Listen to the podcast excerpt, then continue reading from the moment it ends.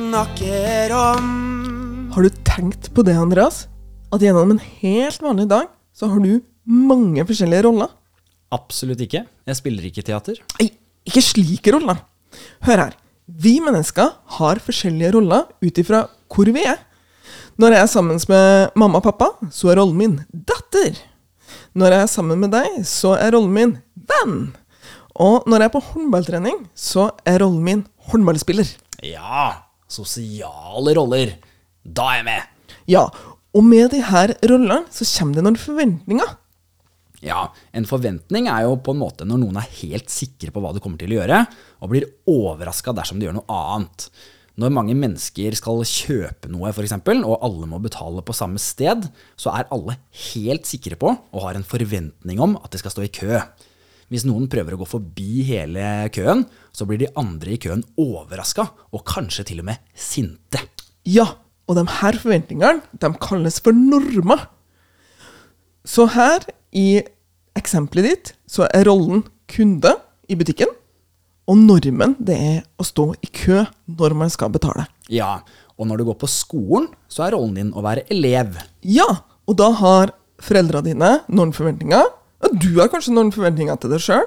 Læreren din har noen forventninger. Og dine medelever har òg noen forventninger. Ja, det finnes eh, normer både i klasserommet og eh, i skolegården og på tur. Ja, og i klasserommet så er det noen normer man er nødt til å følge. Hvilke tenker du på da? I de fleste klasserom så må man ofte rekke opp hånda hvis man vil si noe. Ja, og så må man jo ofte spørre om å få lov til å gå på do. Det trenger man jo kanskje ikke å gjøre hjemme. Nei, og man rekker heller ikke opp eh, hånda som er hjemme. Gjør man det? Nei, og så må man stå i kø når man skal vaske hendene, og lytte når læreren snakker. Ja. eh, og så er det noen forventninger som kanskje ikke er så lett å få øye på. For eksempel så forventer både læreren og foreldre for eksempel, at man skal gjøre sitt aller beste for å lære på skolen, og at man skal følge klasseregler. Ja, ute i friminuttene så forventes det at man skal la alle være med på leken, og si fra hvis man ser at noen går alene eller ikke har det bra. Ja, og hjemme og er det ofte slik at foreldra forventer at du skal gjøre leksene dine. I tillegg så bør man jo være en god klassevenn, altså ta vare på alle, ikke bare de du leker mest med. Og det kan jo bety å spørre alle om de har lyst til å være med og spille fotball, selv om du tror at noen kommer til å si nei. Ja, det er jo veldig fint å inkludere alle. Ja, og så er det jo egentlig også en oppgave man har da når man går på skolen, siden alle elevene har rett til å ha det trygt og godt på skolen. For å få til det, så må faktisk alle i klassen hjelpe til. Det er en eh, skikkelig fin ting å hjelpe til med, da. Ja, ehm, og så er det jo ganske mange forventninger man må huske på da når man er elev. Ja, kjempemange.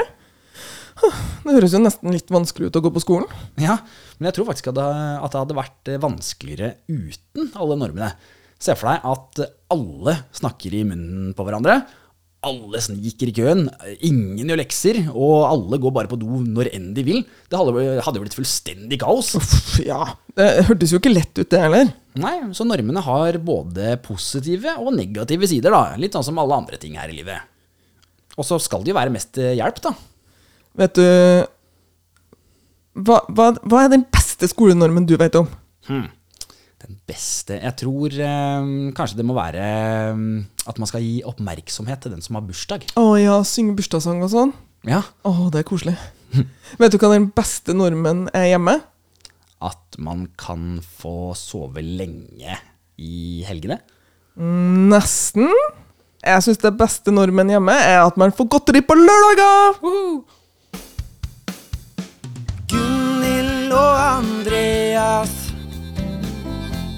snakker om. Gunhild og Andreas snakker om alt er en podkast fra Elevkanalen. Gå inn på elevkanalen.no hvis du vil lære mer om roller.